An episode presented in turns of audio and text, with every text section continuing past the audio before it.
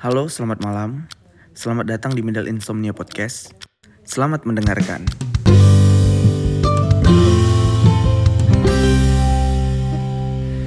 Bila kau butuh telinga untuk mendengar Bahu untuk bersandar Raga untuk berlindung Pasti kau temukan aku terdepan Bertepuk dengan sebelah tangan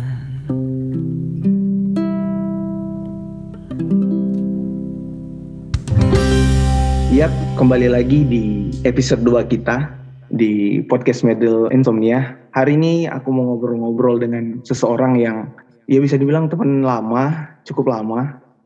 Aku kenalnya dari mungkin sekitar tahun 2014, tapi jauh sebelum itu aku udah tahu dia dan udah kenal dia karena dia cukup famous, ya cukup famous. Anjay. Uh, anjay. Famous. famous lah famous. Nah itu udah udah udah kedengeran suaranya ya. Uh, langsung aja aku kenalin Satria Syaputra. Ayo uh, kenalin dulu Hai. dari nama. Assalamualaikum. Waalaikumsalam warahmatullahi. Memang mantap. Assalamualaikum. Me- memang mantap openingnya. Ada assalamualaikum. Aduh. Aku, Iya. ju- aku aja lupa Oh, tadi. mau sholawat tadi malah. Ya, gimana gimana gimana gimana. ya. uh, coba Mas Satria, Mas atau Sat, manggil Sat aja lah ya. Kan udah biasa manggil Sat ya. Satria, coba kenalin dulu. Nama lengkapnya Mm. siapa? Nama lengkapnya? Nama lengkapku sebetulnya Satria Julio Syah Putra. Cuman kalau misalnya di, pa- di panggung gitu ya nama panggung. Ya nama panggung ya, nama panggung ya. Nama, Nama panggung. panggung. itu Satria Syah Putra. Ya Hmm. nama panggung untuk sosial media, untuk untuk Facebook, Instagram dan semua media-media yang lain itu Sat- Satria Syah Putra. Jadi orang lebih kenal tuh sebenarnya Satria Syah Putranya aja, Julio-nya itu nggak ada Oh gitu. gitu. Tapi sebenarnya nama asli itu Satria Julio Syah Putra. Gitu. Oh iya iya. Karena kalau misalkan ada Satria, eh kalau ada Julionya mungkin aku manggilnya Julio. Kalau ada Julio nanti dikira orang barat, padahal iya barat Sumatera Barat ya Sumatera aja. Barat iya sih. ini aku udah dua kali ini udah episode dua podcast sama-sama orang Sumatera Barat. Yang ini orang Sumatera Oh iya, Barat pertama Malora ya. yang Malora. Kalau yang ini orang Sumatera Barat tapi kelamaan hidup di Batam kalau yang ini ya. Iya betul. Eh, Betul. Di Padang cuma setahun loh. ah iya. Coba Satria, ah, sekarang Hmm. kerjaannya apa sih kegiatannya apa sih? Sat? Kalau sekarang itu kegiatannya sih sebenarnya lebih apa ya? Aku tuh bingung ya, karena memang untuk porsinya sendiri itu eh, ngerjain foto juga, ngerjain video juga. Tapi kalau dibilang fotografer dan videografer sendiri, aku juga kurang nyaman untuk dibilang gitu, karena nggak merasa ahli di bidang itu gitu. Tapi lebih nyaman untuk disebut konten kreator kali ya, Konten karena ya. mainnya di, ah, karena mainnya di media sosial kan. Iya iya. Jadi mungkin digital creative planner mungkin bisa juga lah ya. Karena kan ini kan eh, istilahnya berdiri sendiri kan, jadi bisa disebut planner kali ya. Iya, benar benar benar. benar. Ya jadi Bisa mungkin bisa. Ah, jadi ini sedikit sedikit ini ya. Mungkin aku mau ceritain Satria ini siapa. Sebelum dia juga ntar ceritain sendiri. Jadi ah, Satria ini aku udah tahu dia udah cukup lama sebenarnya. Sebenarnya kita udah pernah ngobrol juga, mungkin ta- tahun 2011 atau 2012 gitu, tapi mungkin dia lupa gitu. Aku tahu Satria ini bukan hanya mungkin kalau teman-teman di Batam yang baru-baru kenal Satria itu pasti taunya Satria itu seorang fotografer atau videografer atau mungkin sinematografer mungkin ya. Mungkin beberapa teman-teman sekarang. Padahal dulu itu Satria itu pernah jadi anak band. setahu aku. Iya. pernah, Waduh. pernah jadi Oh iya pernah jadi stand up komedian. Aku aku tahu. Pernah. Ah, Iya, dibongkar masa lalu saya ya Pak ya. Oke oke, terus lanjut aja. terus terus ini ini yang aku ingat juga Satria itu pernah jadi seorang penulis. Ah, kenapa aku Ya. bisa tahu Satria jadi seorang penulis? Karena memang ah, ini salah satu hobi yang mungkin yang kami sama ya. Kita sama. Jadi ah, dulu itu aku tahu Satria itu mungkin awal mula dari ada senior aku waktu SMA, Bang Bagus namanya. Jadi waktu itu aku diajakin buat uh, bukan diajakin sih, aku yang gabung di salah satu komunitas waktu itu. Aku kalau kayak kalau masih ingat dulu namanya Freedom Writer ya. Jadi waktu Freedom itu aku, Writer. Uh, uh, jadi yes. waktu itu aku pertama kali lihat Satria di sana, ada ngobrol mungkin sedikit nggak banyak, tapi dia juga udah pernah ada buku ya Ya, ya Esat ya. Ada, ada pernah ada buku. Iya. Nah, cuman aku ya, 2013 itu. Nah, cuman aku nggak tahu sih Satria sampai sekarang ini masih nulis atau enggak. Soalnya kalau aku masih nulis sampai sekarang, walaupun ya tulisan aku nggak di nggak dipublikasiin kan gitu. Karena memang salah satu hobi aku selain aku suka ngobrol, tapi aku juga suka nulis gitu. Jadi aku tahu Satria itu hobinya banyak banget gitu. Bisa dibilang.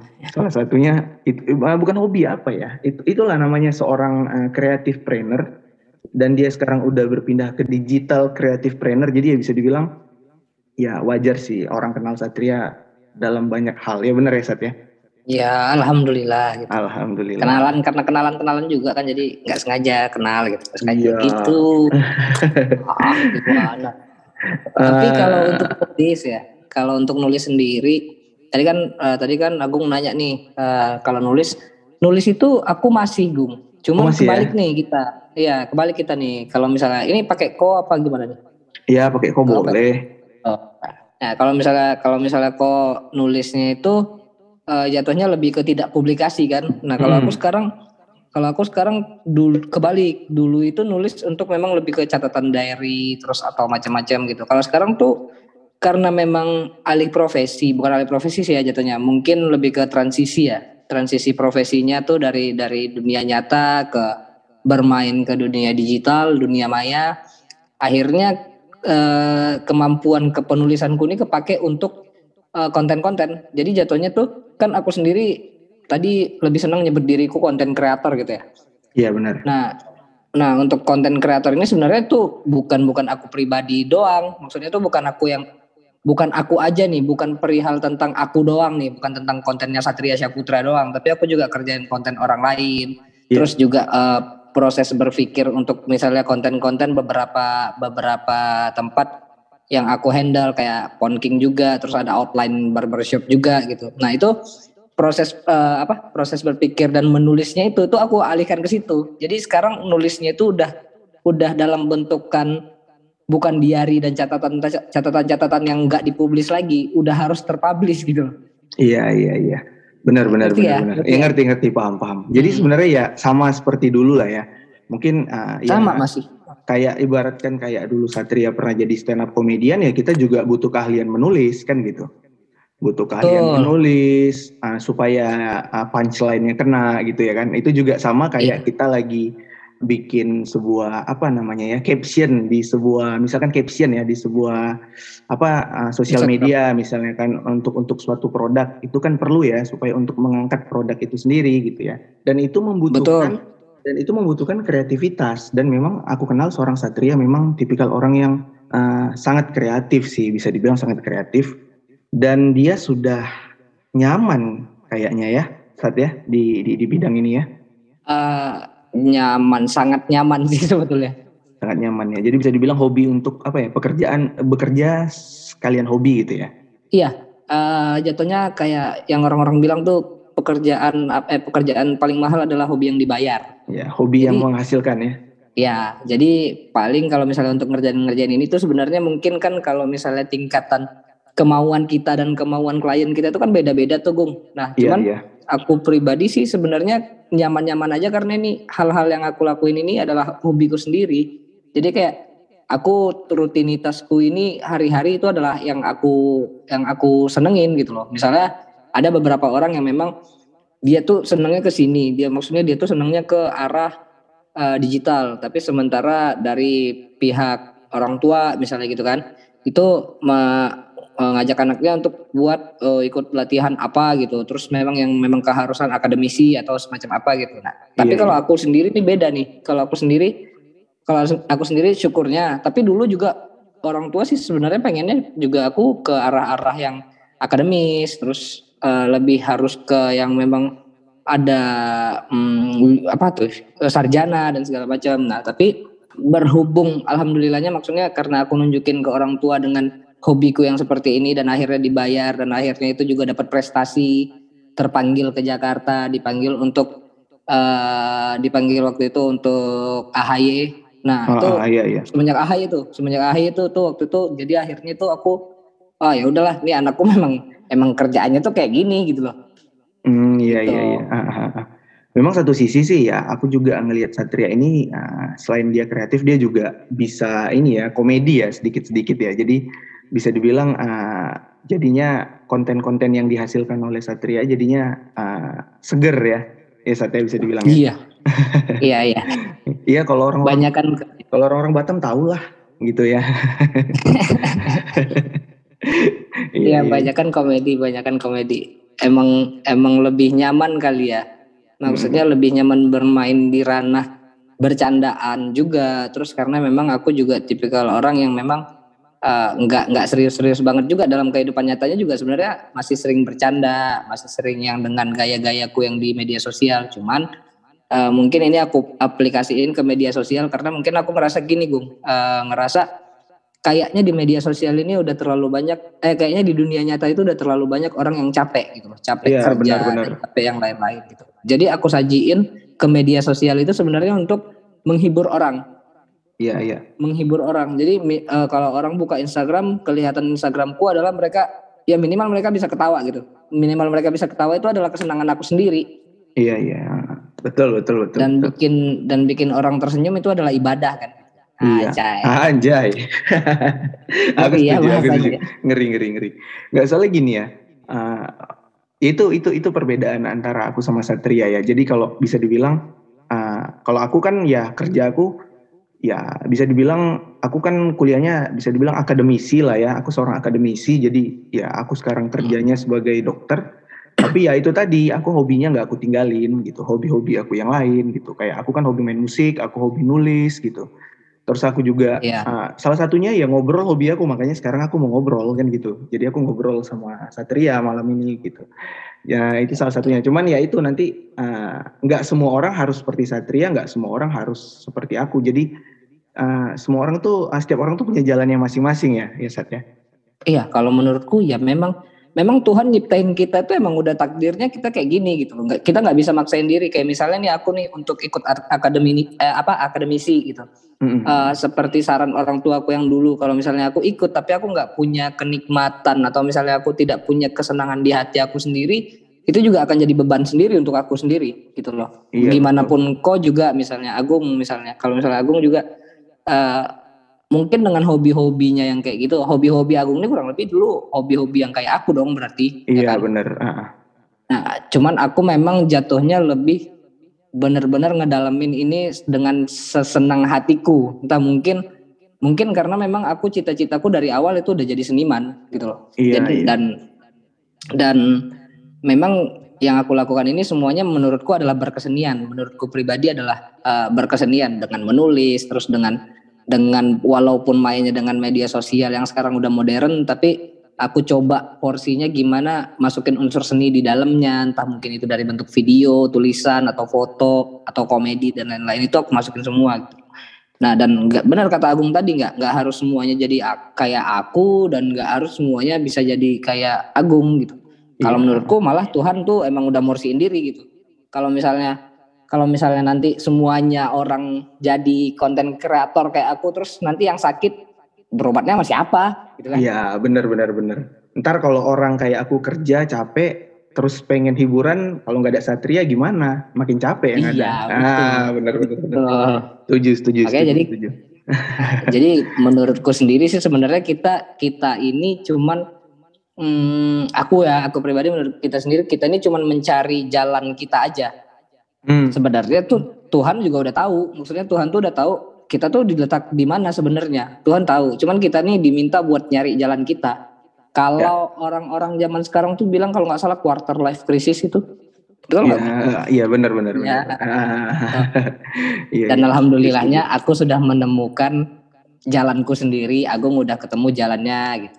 Ya. Dan bukan berarti dengan dengan yang kayak aku sebagai konten kreator terus Agung sebagai dokter terus Agung nggak bisa untuk menjadi konten kreator nggak gitu gitu dan itu kan namanya sebenarnya yang kerjaan-kerjaan aku kayak gini adalah tidak semua orang yang punya profesi berbeda-beda semua bisa mengerjakan ini Ini kan adalah hobi, cuman kebetulan hobi ini aku seriusin gitu aja sih.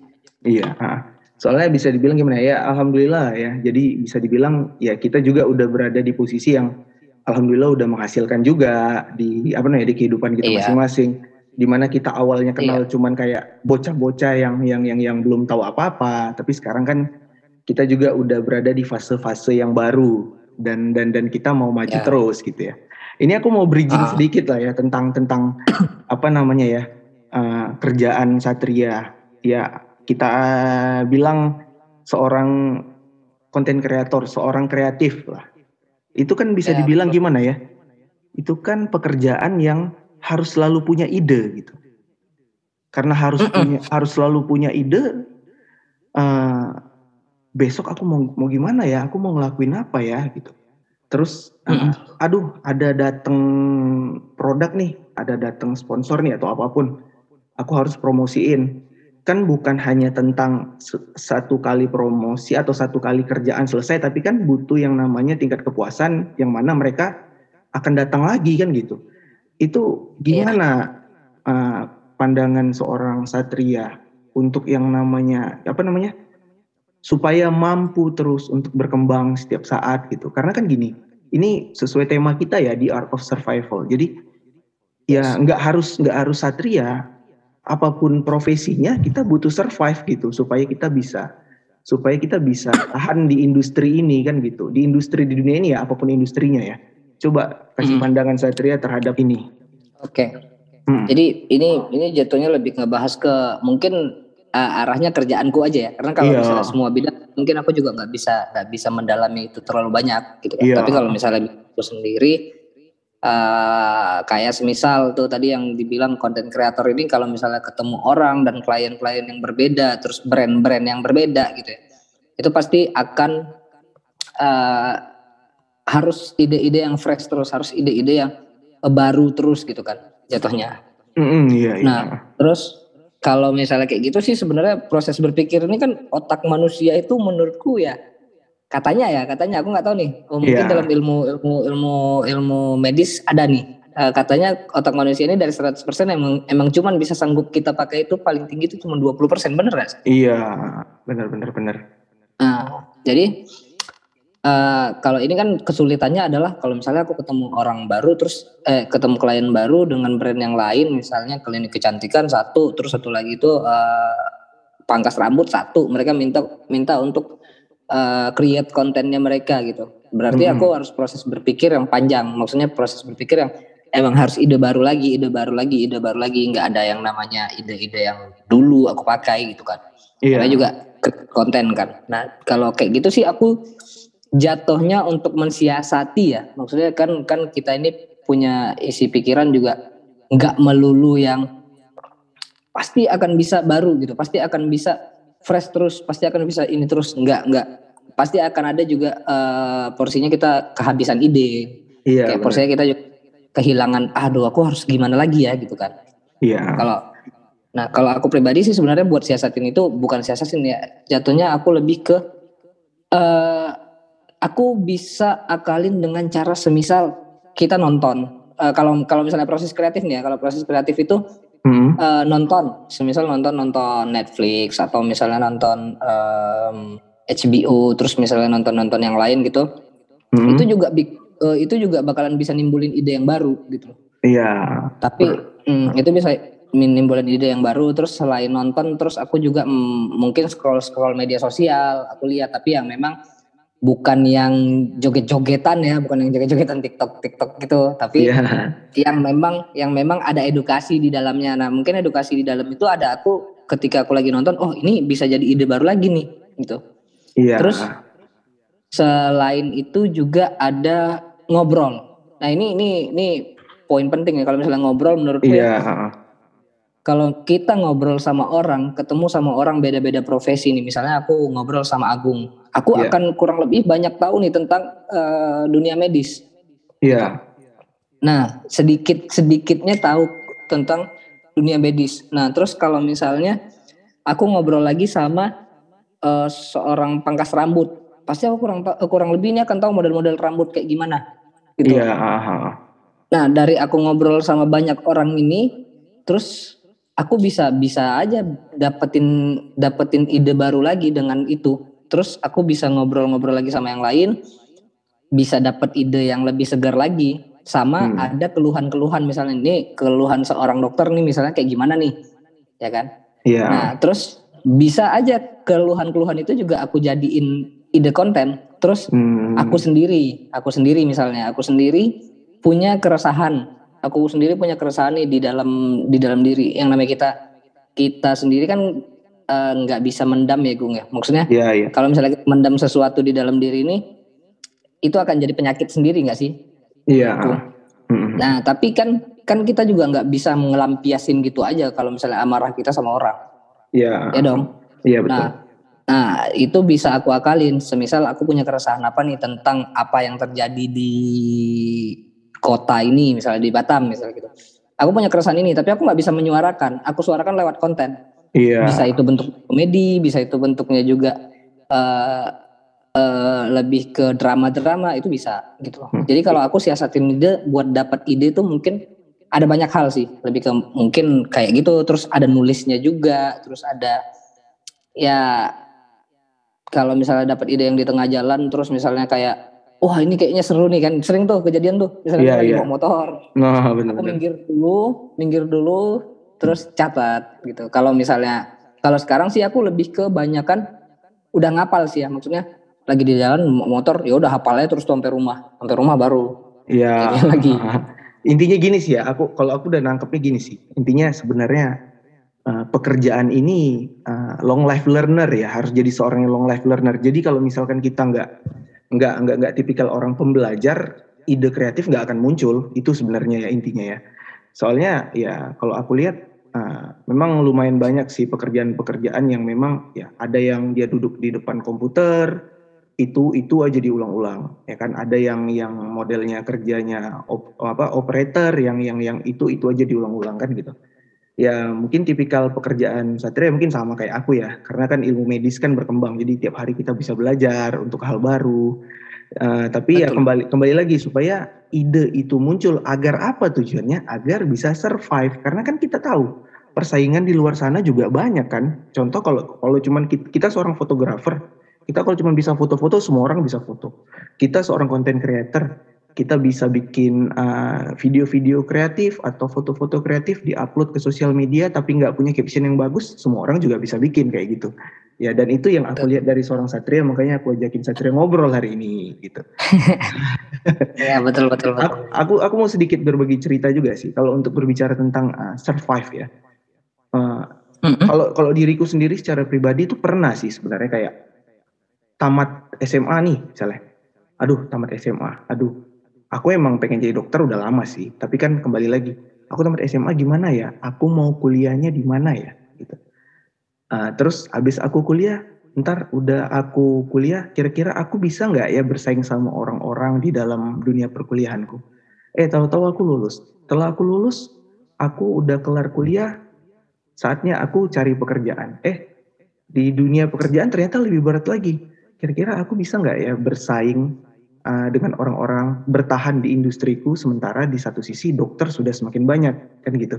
Nah jadi bisa di, uh, jadi bisa dibilang uh, setiap orang itu harus mampu bertahan dan memberikan kemampuan terbaiknya supaya dia uh, bisa kokoh gitu untuk untuk untuk di industrinya lah minimal gitu sih kalau yang aku tangkap dari seorang satria gitu ya. Uh, yes. Iya, jadi gimana ya? ini ada sedikit cerita nih uh, tentang art of survival. Aku punya temen, aku punya temen. Jadi uh? Uh, dia cur curhat ke aku gitu kan, dia curhat ke aku, uh, bilang ke aku. Ini kita rahasiakan lah ya orangnya. Dia bilang ke aku. Uh, jadi gimana uh, hubungan sekarang? Aku tanya gitu kan. Karena dia aku kenal dari awal dia itu sering berantem. Mungkin Satria tahu lah ya. Ada dulu cewek yang yang yang pernah aku bawa-bawa yang dulu kita tahun sekitar tahun 2014 ingat gak? Gak usah disebutin hmm, namanya. Oke okay, oke. Okay. Ah kan gitu, gak usah disebutin namanya. Jadi uh, disclaimer nanti mana tahu yang pen, uh, pendengar ada yang tahu. Jadi itu itu bukan pacar aku juga, bukan mantan aku juga gitu.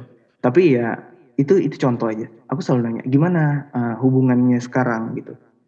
Seperti biasa berantem, seperti biasa berantem. Jadi hampir setiap hari berantem, uh, hubungan mereka berantem. Jadi aku mikirnya gini, uh, dia selalu bilang ke, ke aku kalau bahwasanya nggak uh, apa-apa kok, aku nggak apa-apa tapi nangis. Uh, aku kuat kok tapi nangis. Nah, yang aku maksud dengan di art of survival tuh bukan yang kayak begini bertahan dengan hubungan yang yang yang yang rusak seperti ini gitu. Jadi bisa dibilang ini kan ke toxic positivity. Jadi di saat di mana uh, hubungan yang toksik itu, tetapi seseorangnya hanya selalu berpikiran positif bahwasanya ini bi bisa aman dan bisa diselamatkan kan gitu. Nah hubungan yang aku bilang ini lebih ke kayak aku sama dia menjalin suatu hubungan, tapi ada masalah di depan. Misalkan contoh uh, tanggal pernikahan udah deket nih ya kan? Tiba-tiba ada kebentur masalah ekonomi kebentur masalah apa. Jadi di situ baru kita lihat the art of survival di dalam suatu hubungan percintaan kan gitu. Nah kalau tanggapan Satria uh, atau mungkin Satria pernah punya pengalaman gitu ya kan? Mungkin mungkin dulunya punya pacar ditinggalin gara-gara beberapa hal. Terus gimana sih uh, apa namanya cara Satria supaya bisa survive? Kalau ada kalau ada kalau ada ceritanya. Gimana saat ada nggak sih? Ini aku harus mengingat kembali pada Ibam kalau misalnya untuk kayak gini-gini nih. Ibam. Ibam, Ibam. Ya, eh, ya. Eh, eh, eh, aku punya ini loh. Uh. Aku punya, aku punya apa namanya? Peng, aku aku pengen kita tuh ngobrol uh. bertiga nanti. Tapi belum tahu kapan. Oke, boleh boleh. Nah, kita ngobrol. Seru, seru, seru. Seru kalau ada Ibam bisa seru. Karena gimana seru, ya? Seru ya waktu kita sama-sama jadi belum belum belum belum apa kalau aku sih belum apa-apa waktu itu nggak tahu kalau Satria waktu belum apa-apa kita istilahnya lumayan sering ngobrol ya pada masanya ya lanjut lanjut lanjut iya iya nginget ibam kalau kalau aku sendiri sih sebenarnya juga pernah ya maksudnya di di fase-fase yang namanya disakitin terus mm -hmm. ditinggal gitu gitu pernah mm -hmm. tapi ya waktu itu ibam lah sih sebenarnya yang yang bilang yang menolong aku sendiri gitu loh kalau karena karena kalau misalnya yang berantem berantem dan segala macam itu mungkin hal itu sekarang juga aku mungkin masih cuman gimana kalau sekarang kan mungkin bertambahnya usia juga sendiri juga kan e, bertambahnya usia juga kan berarti kita juga ada perubahan sifat kita juga ada yang namanya uh, belajar aku nggak bilang aku tidak emosional bukan tapi aku, ada yang namanya belajar untuk mengendalikan emosi dan lain-lain gitu gitu kan iya, nah iya. kalau misalnya dulu tuh kalau dulu tuh Ibam Ibam pernah pernah ngomong sama aku gini uh, waktu aku lagi di fase-fase yang emang lagi jatuh-jatuhnya itu karena urusan cinta ya. Iya. Oh, cinta lagi. Cinta Rangga lagi. Mana ya? Rangga mana? ya kalau di fase-fase yang lagi jatuh-jatuh itu pernah Ibam ngomong kayak gini. Uh, untuk survive-nya sendiri mungkin nggak nggak semudah itu juga sih kalau udah urusan hati sih sebenarnya itu nyangkut ke fisik dan lain-lain sebenarnya. Sulit ya. Uh -uh. Cuman Ibam pernah bilang kayak gini waktu itu di fase aku yang lagi bener-bener jatuh lah ya maksudnya semuanya itu berpengaruh Pro, uh, profesiku ngaruh gitu keuanganku juga pekerjaanku dan lain-lain bukannya nggak ada ada tapi ya nggak gimana namanya kita lemes gitu kita nggak bisa ngambil ya. Iya bener. Terus tar daripada nggak fokus terus daripada ntar ini gitu kan. Cuman ada beberapa orang ya salah satunya Ibam terus juga uh, ada temen juga yang hmm. uh, bukan teman sih jatuhnya dia dia itu klienku juga cuman akhirnya yang memang jadi kayak kakak sendiri. Iya iya. Gitu yang memang di fase itu aku lagi lemes-lemesnya yang memang uh, aduh nih aku juga nggak bisa ngapa-ngapain gitu. Tapi mereka mereka mereka itu orang-orang yang nyemangatin gitu loh. Memang kalau menurutku untuk untuk bertahan ini pertanyaannya kan untuk bertahan ya? Bertahan dong. Ya nah kalau Ibam tuh dulu pernah bilang kayak gini uh, hidup kita ini masih panjang gitu loh. Maksudnya hidup kita ini sendiri masih panjang. Mungkin untuk aku move on kali ya jatuhnya ya. Iya benar. Hidup kita ini sendiri masih panjang. Terus aku juga aku sebagai Satria Saputra ini juga uh, jatuhnya lebih apa eksistensi ya bicara -huh. eksistensi Satria Saputra ini juga bukan bukan sekelas eksistensi yang di kota kecil ini loh eksistensi Satria itu udah masuk ke dia dia nyemangatin gitu loh gimana ya gimana seorang satria masa bisa untuk uh, jatuh dengan yang kayak gini gitu loh. Dengan orang yang memang nyakitin dia. Kalau kecuali kalau kita yang nyakitin ya. Kalau kita yang nyakitin itu kan beda urusan. Beda cerita. ini, ya gimana seorang satria saputra disakitin sama orang terus disakitin orang dia lemas gitu. Nah mm -hmm. eksistensi satria saputra ini mengenal beberapa selebritis dan lain-lain itu apa nggak bisa untuk meningkatkan uh, apa ya namanya kepercayaan diri. Kepercayaan diri ya betul. Mm-hmm. tapi cuman gara-gara orang satu ini yang memanfaatkan posisimu ini posisi eksistensimu ini kenapa kok bisa jadi segini daunnya gitu loh? Ya, segini jadi, lemesnya jadinya rusak gitu. semuanya ya? Jadinya rusak. Nah Ibam tuh Ibam Ibam tuh nyemangatin dengan segala cara sih. Tapi uh, di fase-fase itu di fase-fase kita yang lagi down kayak gitu kan itu juga nggak bisa sebentar ya? Nggak bisa ya, sebentar. betul. Nah ya kalau aku deng kalau survive ya mungkin dengan cara ya nemuin iba bukan nemuin ibam ya nemuin kalau kita porsinya lebih ke nemuin orang yang bisa ngerti kita posisinya kita yang memang siap juga buat nemenin kita terus dengerin cerita kita terus ya balik balik lagi ke diri kita sendiri sebenarnya. Diri kita sendiri ini sebenarnya pengen nggak untuk survive dari itu? Dari dari itu apa namanya gue mental Mas, atau gimana sih? Ya jadi apa namanya ya kayak yang ngerusak mental itulah ya kan hubungan yang ngerusak mental ah. itulah. Ah ya bisa nggak untuk survive dari hubungan yang ngerusak mental kerjaan masa depan kita gitu loh. Nah ya. waktu itu Ibam sempat bilang, Ibam tuh sempat bilang saat masa depanmu ini katanya masa depan yang baik yang pengen orang nah ini nih yang bikin aku bangkit nih saat iya. masa depanmu masa depanmu yang udah aku lihat dari dulu dari 2014 apa 2016 kayak tau kita 2000, 2014 2014 ya aku kenal kau 2014 saat katanya baru di 2018 apa 2017 ya Uh, aku baru benar-benar jadi dekat dekat secara intens sama Ibam tuh baru di 2018 kalau nggak salah mungkin. Uh. Ya. Nah, saat untuk untuk potensi seorang satria ini, Ibam itu bilang ya, untuk potensi seorang satria ini ini bukan potensi orang-orang yang bercandaan. Maksudnya bukan bercandaan itu dalam artian kau tuh punya punya punya bakat, punya talenta, punya kreativitas dan punya banyak hal. Iya. Dan Cok pikirin kalau misalnya kau memang lemas-lemas gini terus sampai bertahun-tahun ke depan, cok bayangin mau jadi apa kok ke depannya?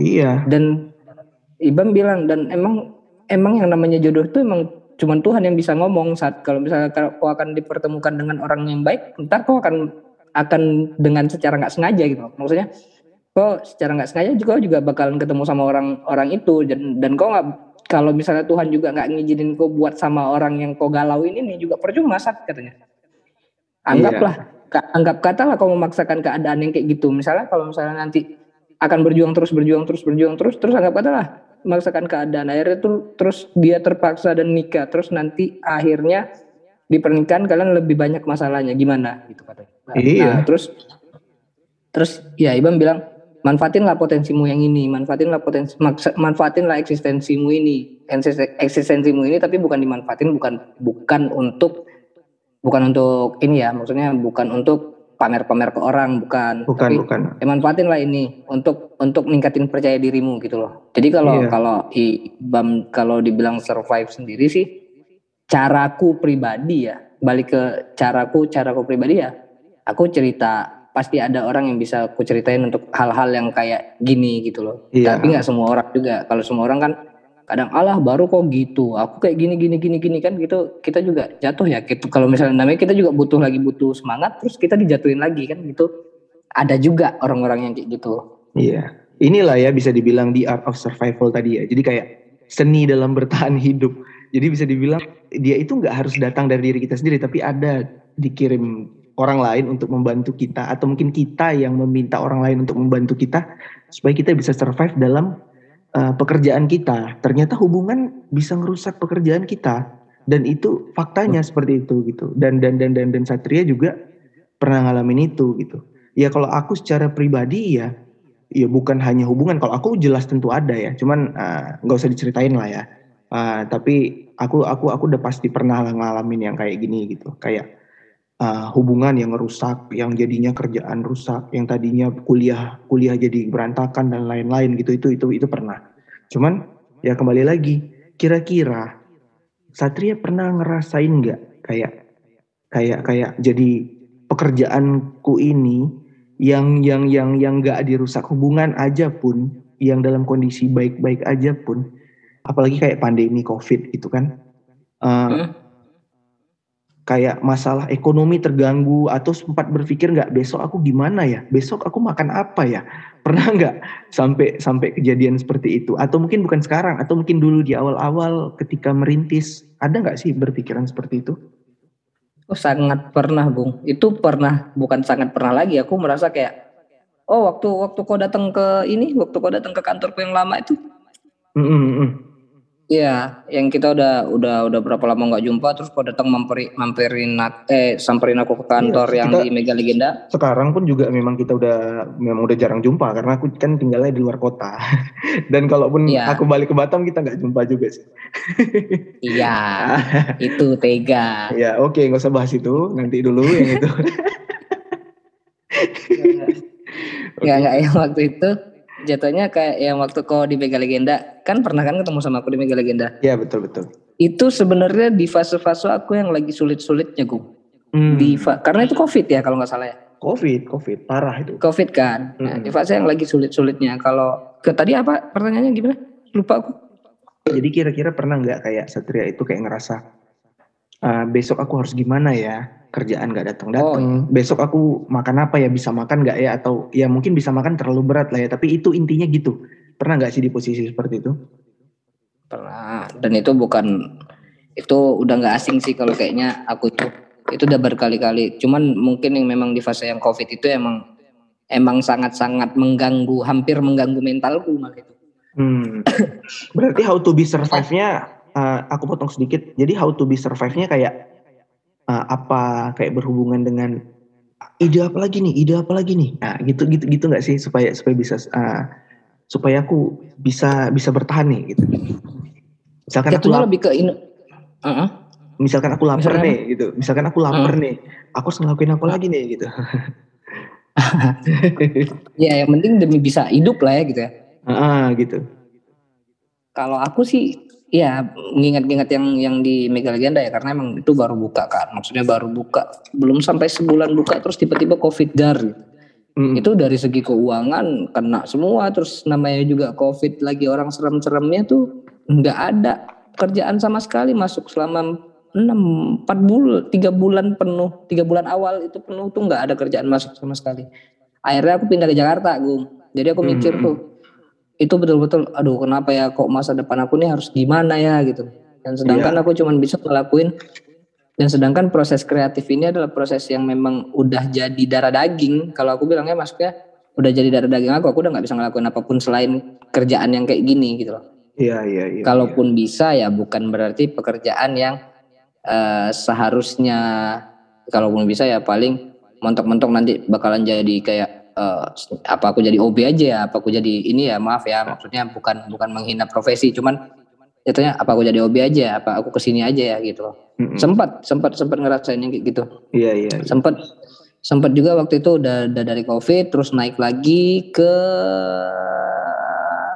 di bul di di di tunggu tunggu aku ingat uh, di Sungai Panas waktu itu dan habis itu kan habis buka di habis habis tutup habis bangkrut lah ya bahasanya ya bangkrut, bangkrut. di Mega Legenda di bangkrut di Mega Legenda terus aku coba lagi untuk di tahun 2020 2020 itu aku coba lagi buat buka eh buat buka kantor lagi tapi bareng teman yang beda tapi eh, bentukan kantor itu rumah kontrakan yeah. mm -hmm. nah itu juga tiba-tiba pas baru buka belum lama dari buka itu ppkm Ingat oh, oh alah ya ya ya. ya PPKM. Nah, itu itu lebih ini lagi. Cuman aku tetap mikir tuh maksudnya ya mau jadi apa ya aku ke depannya? Apa kenapa ya kok gini banget hidup aku gitu. Hmm, gitu kan. Iya, iya. Pernah pernah pernah sangat pernah. Cuman uh, akhirnya cara aku bertahan tuh nggak nggak melakukan apa-apa, Bung. Jadi hmm. mungkin yang aku sadarin sekarang yang aku sadarin sekarang ya, maksudnya lebih ke dulu aku coba ini maksain keadaan ini biar bisa bertahan hidup, biar bisa ini, biar bisa ini. Kalau sekarang aku jatuhnya lebih ke mungkin pakai ini aku nggak so agamis ya, cuman mungkin aku lebih pakai ilmu ketuhanan. Hmm, ya. Yeah. Uh, ada ada ada yang namanya aku suka tuh, aku suka di YouTube namanya tuh pagar kehidupan. Iya. Yeah. Mm -hmm.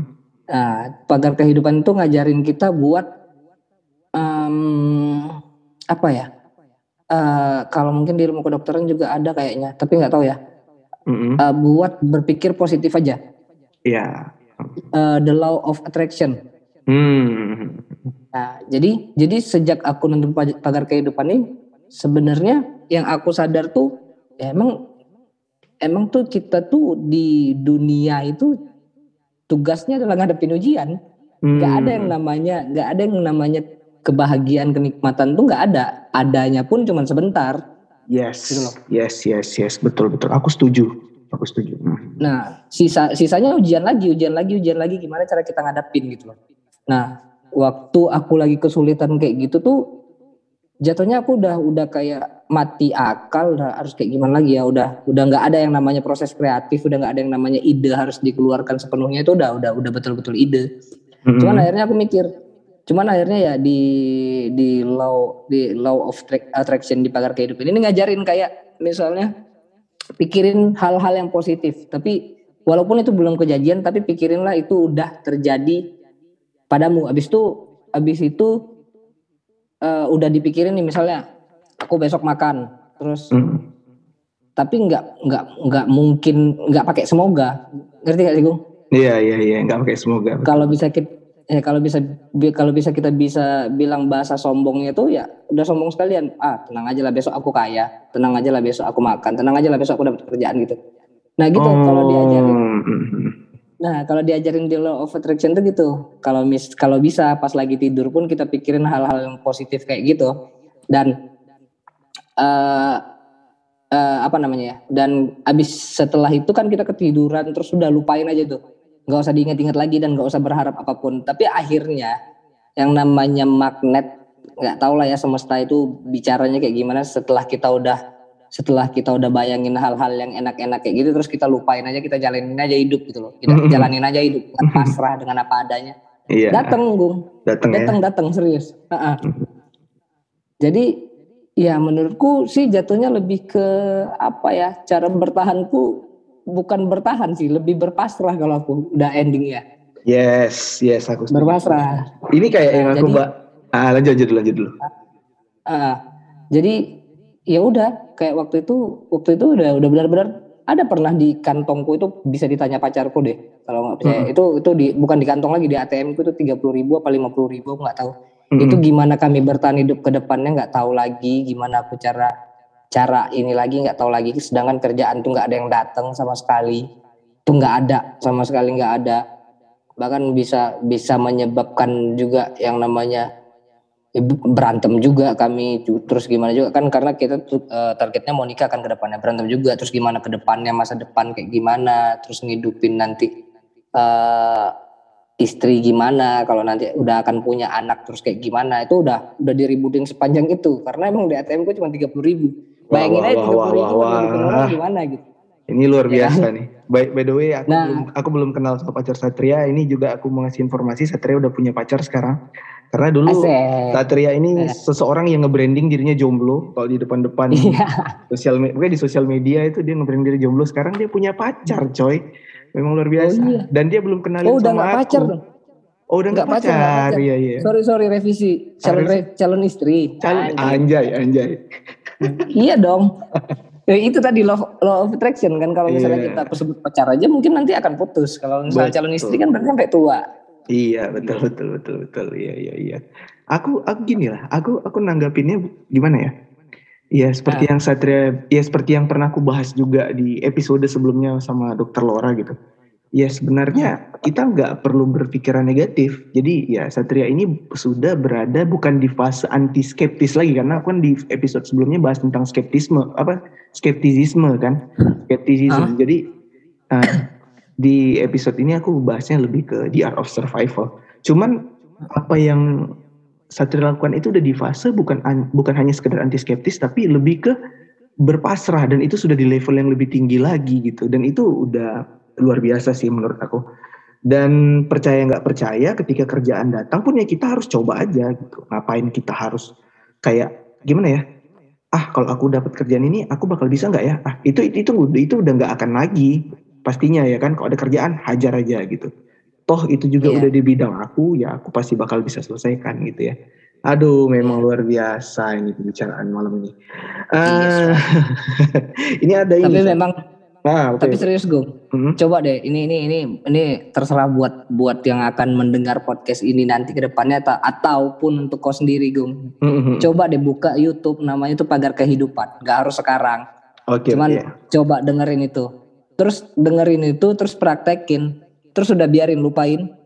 Mhm. Habis itu nanti apa yang akan kejadian ke depan mungkin dengan isi pikiranmu yang kau yang kau positifkan itu terus Mhm. balikin lagi ke pagar kehidupan. Eh kalau misalnya itu udah jadi udah jadi kejadian gitu loh. Misalkan ini belum kejadian nih ngeri? Eh, susah jelas. Ini belum kejadian sekarang nih. Mhm. Nih, ini belum kejadian sekarang. Habis itu nanti kita disuruh mikir positif nih, praktekin apa-apa yang dibilang sama pagar kehidupan Hmm. di YouTube-nya pagar kehidupan. Udah kita praktekin habis itu kita lupain. Coba Hmm. mungkin sebulan atau dua bulan ke depan. Kita nggak tahu akan waktunya gimana kan. Cuman coba sebulan dua bulan ke depan lihat kejadian nggak apa yang kau bayangin tadi Hmm. gitu loh. Ngerti nggak? Kejadian nggak apa yang kau akan pikirkan positif itu. Kalau kejadian itu berarti benar namanya law of attraction itu. Itu percaya Hmm. nggak percaya sih. Aku pun juga sebenarnya ah bisa apa kayak gini. Ah bisa apa kayak gini. Cuman kalau misalnya ya aku balik ke masa lalu, dulu aku pengen Hmm. jadi artis, Bung. Hmm. Dulu aku pengen jadi artis di di tahun 2000 eh di tahun 2000 di eh, SMP kalau nggak salah itu aku pengen jadi artis. Mhm. Terus aku juga pernah ngobrol gini, eh kapan ya aku bisa eh, kolaborasi sama selebritis gitu. Kapan aku Hmm. bisa kolaborasi? Dan memang waktunya itu memang nggak nggak cepat ya, cuman nggak nggak cepat nggak sebegitu cepat ya kan kita nggak tahu ya itu namanya juga eh, Tuhan lah ya yang ngasih rezekinya itu. Mhm. Terus kapan aku aku pengen wah bisa ter, eh, bisa se eh, eksisten eksistensiku ini bisa ke mana-mana gitu loh, bisa sampai tingkat nasional dan akhirnya itu kecapai Hmm. walaupun baru-baru ini gitu loh. Iya iya iya iya. Ya itu tadi ya. eh, apa namanya kita ya harus coba aja dulu atau berpikir positif aja dulu, ya kan? Kita tengok hasilnya. Iya. Jadi mungkin kita bisa coba lah untuk teman-teman dengerin, eh nonton apa namanya di channel Pagar YouTube Kehidupan. Pagar Kehidupan. Di situ pasti kita bisa dapat banyak ilmu ya. Terus selain itu juga, oh ya aku juga ada sih, aku juga sering dengerin sih. Selain Pagar Kehidupan itu juga boleh di nonton di YouTube. Aku pernah deng, aku pernah nonton YouTube tuh eh, nama channelnya Menjadi Manusia itu juga bagus. Kalau di Spotify itu itu ada cakep. cakep tuh Menjadi Hmm. Manusia. Terus kalau di kalau di Spotify itu ada salah satu eh, channel podcast itu namanya eh, podcast sudut pandang. Dan satu lagi eh, Middle Insomnia podcast itu juga bagus. Iya. Iya. itu juga Percaya bagus. diri dulu dong tetap. Yoi. Oke. Oke, Sat. Jadi ini ini ini ada satu quotes ya. Ini salah satu dari dari idola aku ya, Michael Jordan. Hmm. Jadi Michael Jordan pernah bilang gini, hambatan tidak harus menghentikan kamu. Jika kamu menabrak tembok, jangan berbalik dan menyerah. Cari tahu cara memanjatnya, melewatinya, atau mengatasinya. Cobalah, ah, menurut Satria, ini sesuai ya dengan apa yang kita bahas dari tadi ya. Jadi kayak gimana ya? Kita tuh nggak perlu nggak perlu nggak perlu takut sama hambatan karena pada dasarnya memang dunia ini eh, kita dilahirkan dunia ini pun memang memang untuk diuji gitu ya ya kan benar kan? Jadi kita kenapa harus kenapa kita harus takut ah, apa namanya takut dengan hambatan? Kalau ada tembok ya kita tabrak aja. Maksudnya ini secara harfiah bukan tembok yang beneran ya. Tapi maksudnya ah, kalaupun ada tembok kita tabrak aja. Ya kita nggak usah berbalik jangan nyerah kan gitu. Lagian kita kan belum tahu juga hasilnya apa kan gitu. Ngapain kita nyerah? Bener ya? Kalau menurut Satria gimana? Sesuai nggak sama apa yang kita bahas hari ini Eh, setuju sih. Kalau kalau misalnya Michael Jordan ya, ya Hmm. kalau beliau bilang quotes-nya kayak gitu, aku pernah ngob, eh, aku pernah nonton kalau nggak salah nanti kita cerita tentang hari ini. nanti kita cerita tentang hari ini ya oke oke oke Iya. story Itu of Kali story of Kali ya Bukan story of kalinya. Iya iya benar story Iya, of kali iya, lanjutan. o- or- orangnya Kali tapi filmnya beda ya Eh, orangnya ada kalinya tapi ini yang ini sebenarnya nih kalau sequelnya itu nanti kita cerita tentang hari ini dulu keluar baru story of kali baru story of Dinda kalau nggak salah aku gitu. Hmm, hmm, hmm, hmm. Nah, jadi di, nanti kita cerita tentang hari ini tuh ada bahasa yang kayak eh eh ada ada ada kalimat yang dia, dia bilang gini, hmm, sorry, Hmm. ada kalimat yang dia bilang uh, apa masalah itu akan terus mengikutimu. Mm Ngerti nggak? Mm Jadi ke mana pun ke mana pun kamu pergi masalah itu akan terus mengikutimu. Yang harus kamu lakukan adalah berbalik arah dan hadapi. Itu yes. doang. Yes, yes, Jadi, setuju, setuju. Iya, kalau misalnya aku pikir, Gung, ada benernya, Gung, karena memang setiap kita jalan hidup makin dewasa makin dewasa itu bukannya bukannya berarti kita akan keluar dari masalah enggak kita masalah itu sekeliling pasti cuman gimana cara kita ngadepin masalah kan namanya masalah berarti harus ada solusinya berarti yes. kita tinggal cuman berpikir gimana cari solusi dari masalah ini gitu biar bisa kita keluar terus ngadepin masalah baru keluar ngadepin masalah baru lagi sampai hmm. akhirnya nanti kita nggak ada lagi di bumi yes, itu sih yes. yes yes jadi jadi kalau aku uh, nanggapin dari yang Satria bilang tuh gini ya. Berarti ya how to survive ya kita jangan nyerah. Udah inti, intinya gitu. Ya kita kita kalau iya. karena kalau kita nyerah kita nggak akan tahu hasilnya kan gitu intinya ya. iya. ini ini ini ini last but not least nih ya. Uh, uh. Kalau disuruh memilih ya uh -uh. selain kehidupan yang sekarang, uh -uh. Satria maunya jadi apa. Tapi ini harus milih ya. Ini bukan bukan bukan bukan bilang enggak aku enggak mau yang lain. Aku maunya jadi yang kayak sekarang. Ini enggak ini maksudnya wajib milih. Pengennya jadi apa sih? Uh, enggak kayak kalau enggak yang kayak sekarang pengennya jadi apa? Kalau kalau disuruh milih misalkan kayak kalau kayak aku ya contoh nih. Aku kan uh, uh. aku kan dokter nih. Aku kok disuruh milih, uh. kok disuruh milih, uh. aku sekarang tuh pengen jadi seorang penulis gitu okay. ala ah, kalau kalau kalau Satria pengennya jadi apa? Ini nggak harus ada alasannya sih, tapi yang paling penting ada nggak yang kalau kalau disuruh milih ya nggak harus pengen nih kalau disuruh milih. Uh, nah. uh. aku bu, kalau aku disuruh milih, hmm. um, kalau kalau penulis mungkin ya, cuman uh, lebihnya kalau disuruh milih, aku nggak tahu ini profesi apa, cuman yang aku yang aku yang aku peng yang aku inginkan adalah ini nggak tahu ada pekerjaannya apa enggak ya nggak tahu. Iya enggak Cuman apa. yang aku pengen adalah gini. Uh, setelah aku panjang jalan ini di 28 tahun belakangan nih, 28 tahun berarti tahun ini aku udah 29 kan, 29 tahun belakangan. Yang yeah. aku iya. pengen itu cuma satu, Bung. Gimana caranya untuk uh, apa ya? Gimana caranya untuk ngasih kebaikan ke orang lain entah itu bukan itu nggak nggak harus dalam bentuk nggak harus dalam bentuk ini ya nggak harus dalam bentuk uang dan lain-lain ya. mungkin mm, mm, mungkin ada yang namanya kita cerita terus akhirnya cerita kita itu akan jadi cerita lagi ke orang lain gitu loh. Aku tuh cuma pengen gini, aku pengen dikenang dengan baik. Jadi kayak hmm. yang aku pikir tuh yang aku pikir saat ini tuh adalah uh, mungkin dengan cara kerjaku sekarang dengan cara mungkin aku yang nggak mau kalau misalnya bekerja kalau misalnya aku nih nggak mau nih kerja yang namanya uh, misalnya markup markup harga atau misalnya eh, kan ada nih namanya nota terus kita kita ada tuh orang-orang yang misalnya klien-klien yang misalnya dia naik minta notanya itu dinaikin gimana sih? Hmm, ya di markup harga uh, ya, untuk dia klaim, ya, untuk dia klaim kan. Untuk dia klaim ke perusahaannya gitu-gitu. Hmm. Nah itu aku nggak aku nggak mau tuh.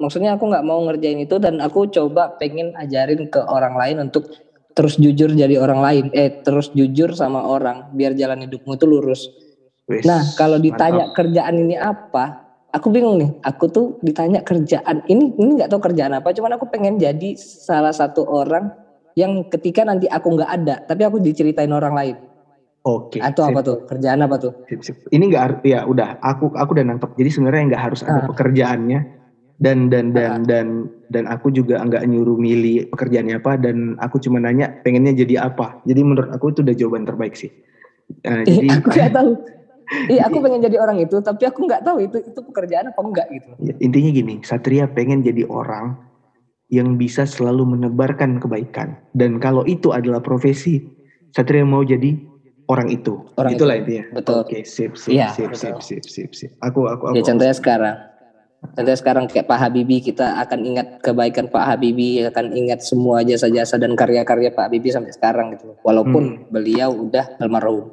Nah, yeah. aku iya. pengen gitu. Hmm. Aku pengen gitu. Aku pengen yang aku sadarin sekarang gini. Aku nggak abadi, tapi namaku itu yang harus aku pertahankan harumnya sampai nanti aku nggak ada.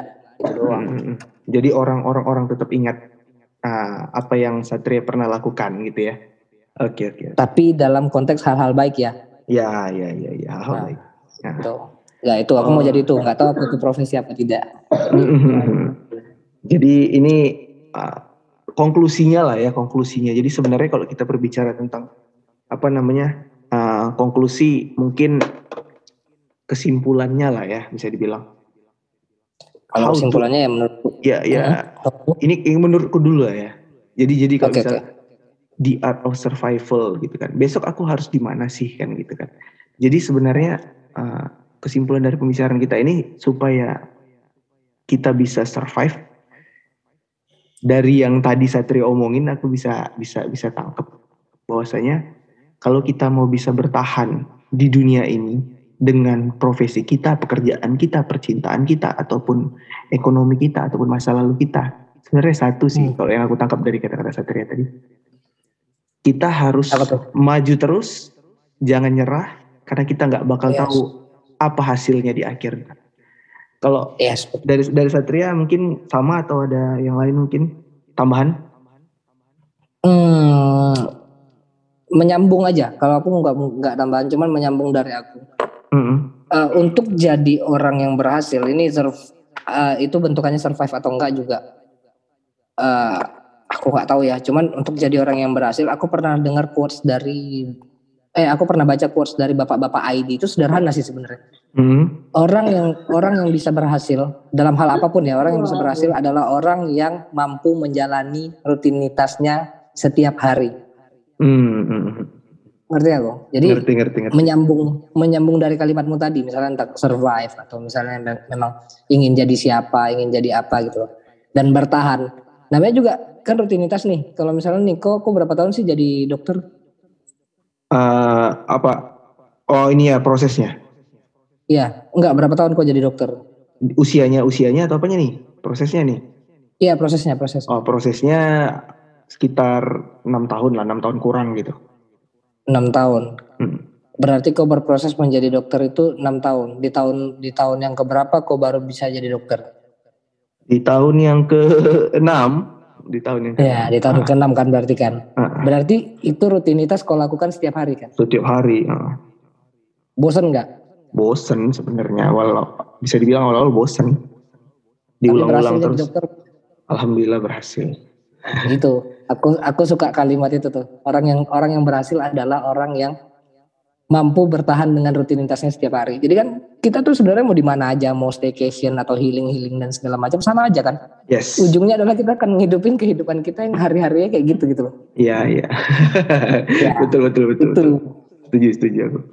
Oke lah, emang luar biasa eh, obrolan kita malam ini dengan seorang Satria Syaputra, eh, teman lamaku yang bisa dibilang udah lama nggak ketemu, tapi kita lumayan masih sering kontekan, ngobrol, sih mas masih masih masih. masih Jadi- by DM juga sering-sering kan Masih. tegur tegur Iya, tegur-tegur.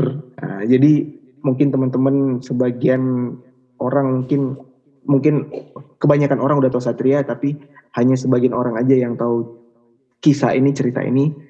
Dan mudah-mudahan intinya sebenarnya gini sih, ini bisa menginspirasi sih bahwasanya eh, apa yang kamu alamin, apa yang kamu jalanin itu eh, bisa apa namanya? bisa berkembang dan nggak harus ketika kamu jatuh terus menyerah tapi uh, mencoba terus untuk bisa bangkit dan survive sih intinya gitu.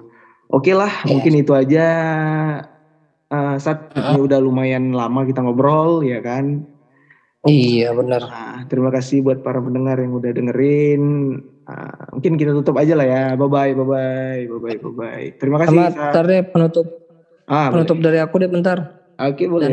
Silakan. Makasih buat yang dengar-dengar juga nanti podcastnya Agung ini dan mohon maaf kalau misalnya ada salah-salah kata karena kesempurnaan hanyalah milik Tuhan dan kesalahan hanyalah milik mantan. Terima kasih.